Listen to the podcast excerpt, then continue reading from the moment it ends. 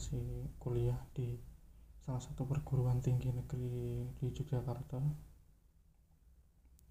Waktu itu aku mengalami sakit atau punya penyakit yang nggak tahu itu penyakit apa. Di Jogja sendiri beberapa kali aku udah ke rumah sakit tapi dari jawaban semua dokter berbeda ada yang bilang radang biasa. Ada yang bilang itu cuma demam. Ada juga yang bilang itu gejala-gejala difteri. Ya awalnya aku biasa aja sih. Karena aku memang ngerasanya ini penyakit kayaknya biasa aja dan gak parah. Dan kata dokter juga bilang paling juga dua hari tiga hari sembuh. Tapi yang katanya dua hari sembuh itu justru semakin menjadi-jadi. Tiba-tiba aku tidak bisa nolong makanan. Bahkan air pun gak bisa. Dan ngomong pun juga kesusahan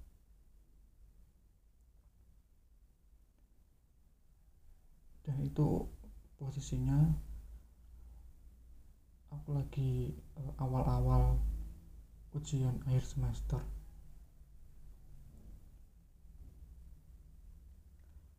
Pikiranku ke mana-kemana sih? Ya pas aku ngerjain awalnya saya fokus sih. Tapi karena nggak tahan sakitnya akhirnya aku kumpulin aja tuh kertas ujian dan nggak tahu itu benar atau atau enggak jawabannya. Yang penting aku ngumpulin dan mungkin ada yang aku kosongin jawabannya karena emang udah nggak tahan dengan uh, sakitnya.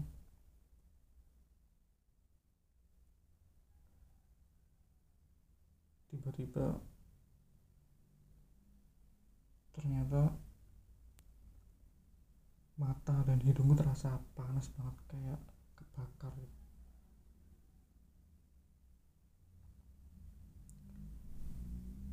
Hingga ya udah akhirnya aku pasrah aja lah yang penting aku balik pulang ke kosan mau nyiram pakai air dingin siapa tahu bisa hilang panasnya kan. Tapi ternyata nggak hilang-hilang dan di hari esoknya lagi semakin parah semakin nggak bisa ngomong dan cuma diem karena udah nggak tahan dan udah pasrah ya udah akhirnya malamnya pun aku terpaksa menghubungi sepupu ya sebenarnya juga aku ngerasa ya paling nggak mau nusain orang apalagi keluarga gitu. Udah akhirnya aku minta sepupuku buat jemput ke Jogja. Karena nggak mungkin kalau aku pulang sendirian pakai motor karena biasanya aku pulang pakai motor.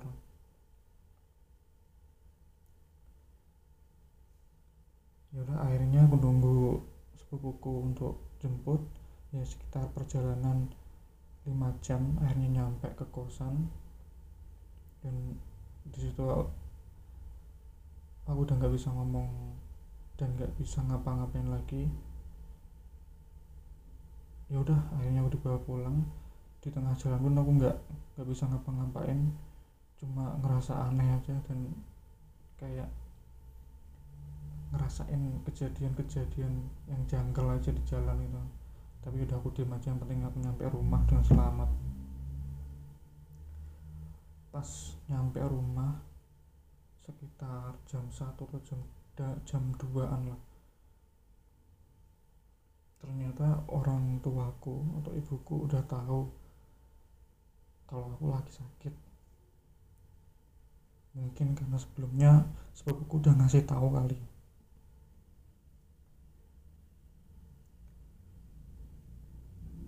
Ya udah di situ langsung akhirnya aku dibawa ke kamar dan disuruh tidur tapi ya gimana lagi emang nggak bisa tidur ya kan? Cuma bisa ngerasain sakit.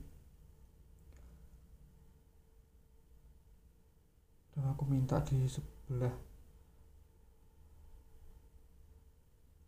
ke ranjang tidurku dikasih tempat atau apa. Karena emang jaga-jaga kalau semisal aku muntah-muntah atau apa pun lah itu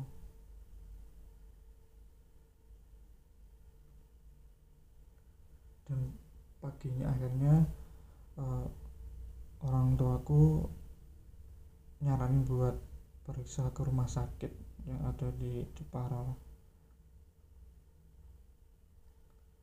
Waktu pertama periksa ke salah satu rumah sakit itu langsung ditolak. Karena e, katanya dengan alasan mereka nggak punya alat dan fasilitasnya nggak lengkap untuk nanganin penyakit ini tapi nggak disebut disebutkan itu penyakit apa. Cuma katanya penyakit ini e, lumayan parah. Kemudian yang rumah sakit kedua itu juga mereka langsung bilang atau ngasih surat rujukan ke rumah sakit yang lebih e, gede atau yang lebih besar yang punya fasilitas lengkap buat nangani penyakit ini gitu kan. Dan tiba-tiba uh, akhirnya ke rumah sakit yang lumayan gede kan di Jepara dan di situ uh, dokter mendiagnosis kena nasofaring atau mereka nyebutnya sih gejala-gejala kanker tenggorokan gitu.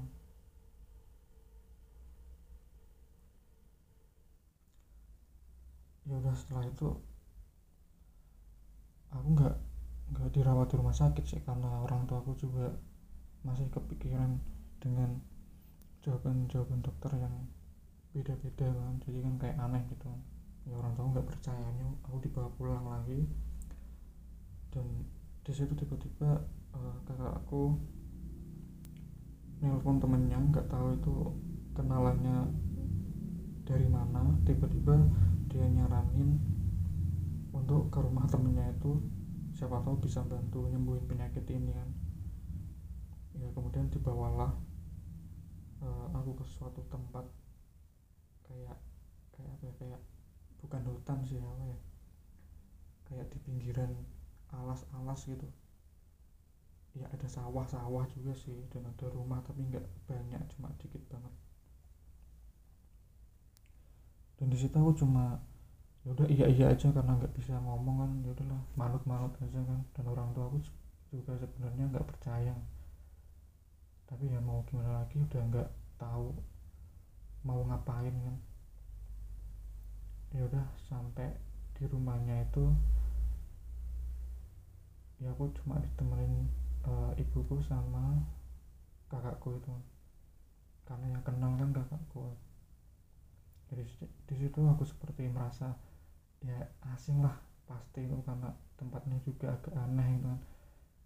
Dan seperti bukan tempat uh, orang biasanya yang menempati tempat tinggal. Yaudah, akhirnya uh, kakakku langsung menceritakan penyakitku ya, kepada bapak bapak-bapak yang ada di rumah itu kan yang yang punya mungkin kali. Tiba-tiba belum selesai ngomong bapaknya langsung nolak dan disuruh pulang tanpa ngasih alasan itu kenapa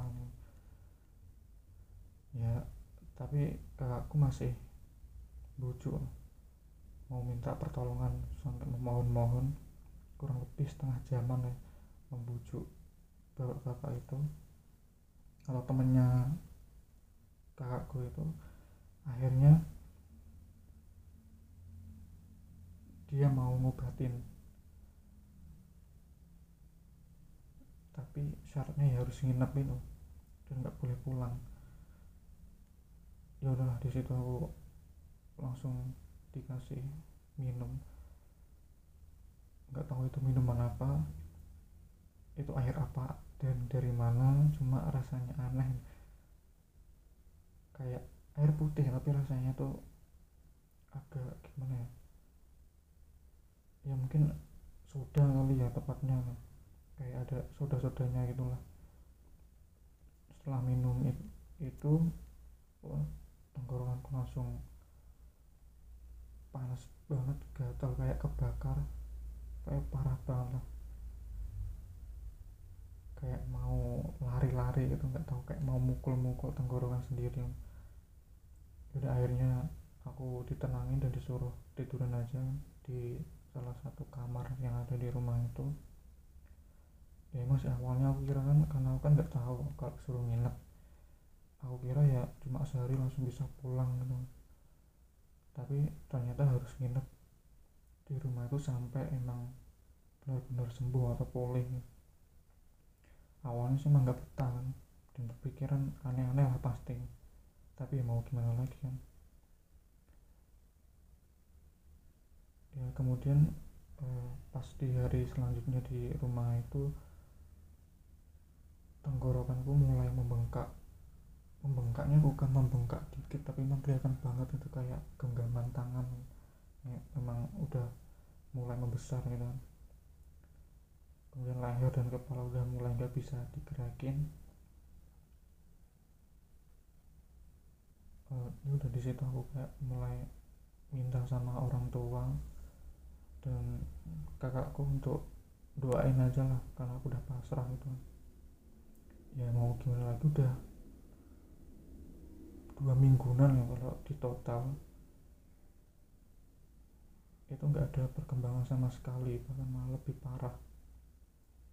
Sampai leherku juga semakin membesar nggak bisa ngomong sama sekali cuma am am nggak bisa ngapa-ngapain cuma tiduran. Dan badanku juga kayak udah mulai kurusan ya intinya cuma minta doa aja lah. Karena udah pasrah banget.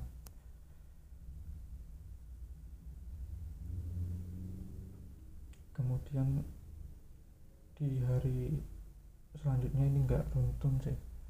Kalau nggak salah ini di hari keempatnya aku dikasih minuman lagi tengah malam dibangunin.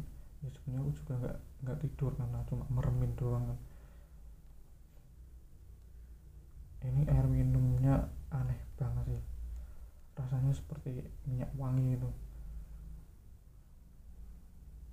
tapi ya gimana ya kayak percuma gitu loh dikasih air minum ya karena memang semua apa pun yang dimasukin ke tenggorokanku ya pasti kembali tak muntahin karena emang nggak bisa masuk.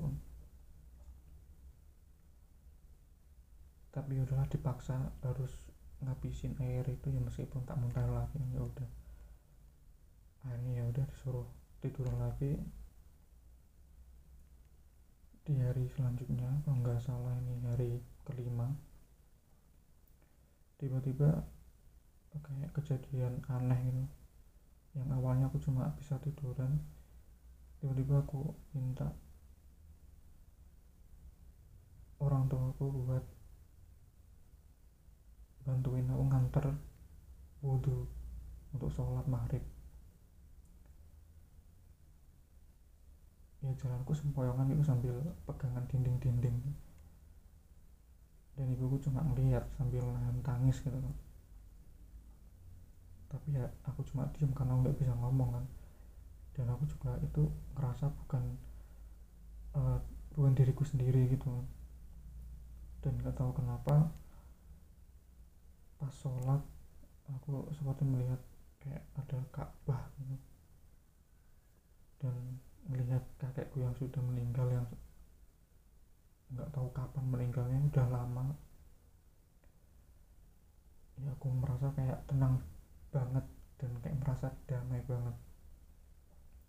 Aku kayak seperti digandeng kakekku yang udah meninggal itu dan juga sesosok nggak tahu sosok apa dia pakai baju warna putih dan aku seperti dibawa ke tempat di mana di situ cuma ada orang-orang yang berbaju putih. Dan nggak tahu kenapa tiba-tiba pas selesai sholat aku seperti orang yang habis nangis dan aku nggak nggak nggak sadar itu itu eh, aku langsung diberi minum ibuku. Tiba-tiba nggak tahu kenapa air minum itu bisa masuk ke tenggorokan ya meskipun hanya sedikit tapi nggak berselang lama aku langsung kejang-kejang. Dan di situ ada ibuku dan keluargaku yang cuma ngeliatin dan nangis doang karena udah nggak tahu mau bantu apa lagi kan dan nggak tahu ngapain lagi karena bingung. Ya udah akhirnya aku cuma tenangin sekitar beberapa menit. Akhirnya tiba-tiba aku langsung tidur kan. Dan itu aku ngerasa yang awal yang sebelumnya aku nggak bisa tidur sama sekali. Dan itu langsung kayak merem gitu. Tapi tidur yang kali ini kayak bukan tidur biasanya itu loh. Aku tidur tapi masih bisa melihat dan juga kayak mendengar apa pun yang ada di sekitaranku gitu. Nah pas tidur itu aku kayak melihat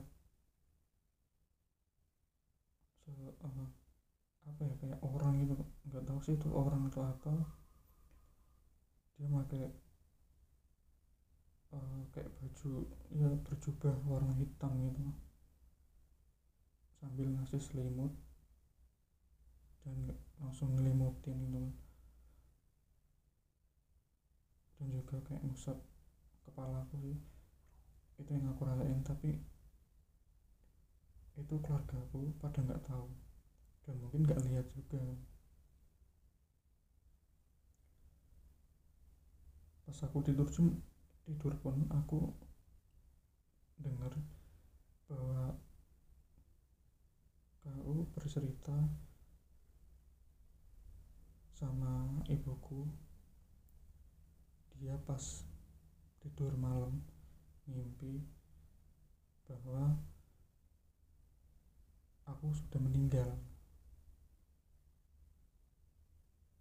dan ibuku juga sebenarnya udah tahu kan kalau telapak kaki dan tanganku udah mulai berwarna kekuningan. Dan itu biasanya pertanda bahwa orang tersebut akan meninggal. Setelah itu aku seperti mendengar suara azan itu dan aku langsung bangun.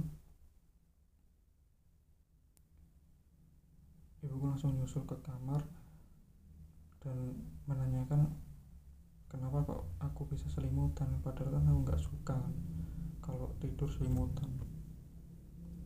Dan jarang banget aku mau dikasih selimut gitu kan.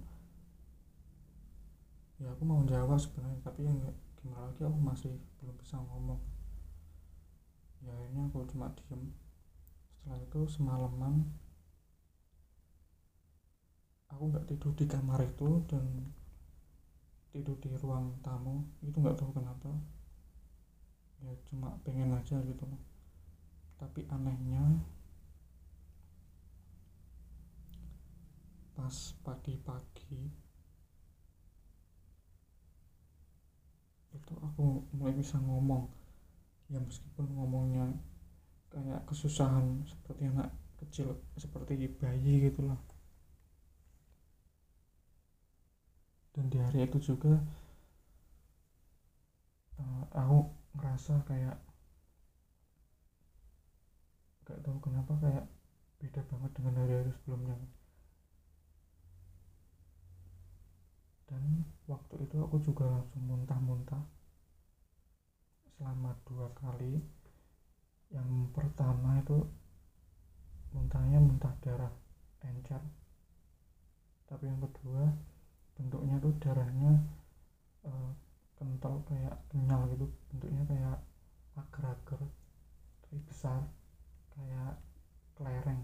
Tapi kelerengnya bukan kelereng yang kecil gitu lumayan gede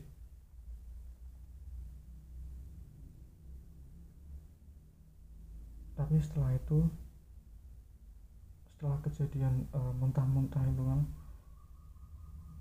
di situlah aku mulai mengalami perkembangan membaik. Aku sudah mulai bisa makan bubur minum dan mulai lancar ngomong. Itu seperti keajaiban sih. Aku sendiri pun merasa nggak percaya anehnya lagi pas malamnya tiba-tiba tuh aku langsung nggak tahu kenapa pengen pulang dan langsung balik ke Jogja. Padahal itu posisinya lagi hujan terus. Terus banget malah itulah aku maksa langsung ke Jogja. Malam sekitar jam 11 nyampe Jogja jam ya hampir subuh ya dan pas nyampe Jogja itu paginya aku langsung ke kampus. Dan sorenya lagi langsung balik ke Jepara. Itu aneh banget sih. Yang awalnya nggak nggak bisa ngapa-ngapain tiba-tiba langsung berdiri aja langsung pergi. Yang bisa dibilang cukup jauh. Itu aneh banget sih. Ya aku merasa seperti diberikan mukjizat aku seperti hidup kembali gitu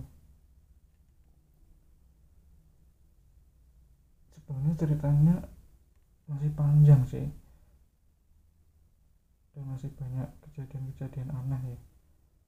Tapi ya nggak bisa diceritakan semuanya.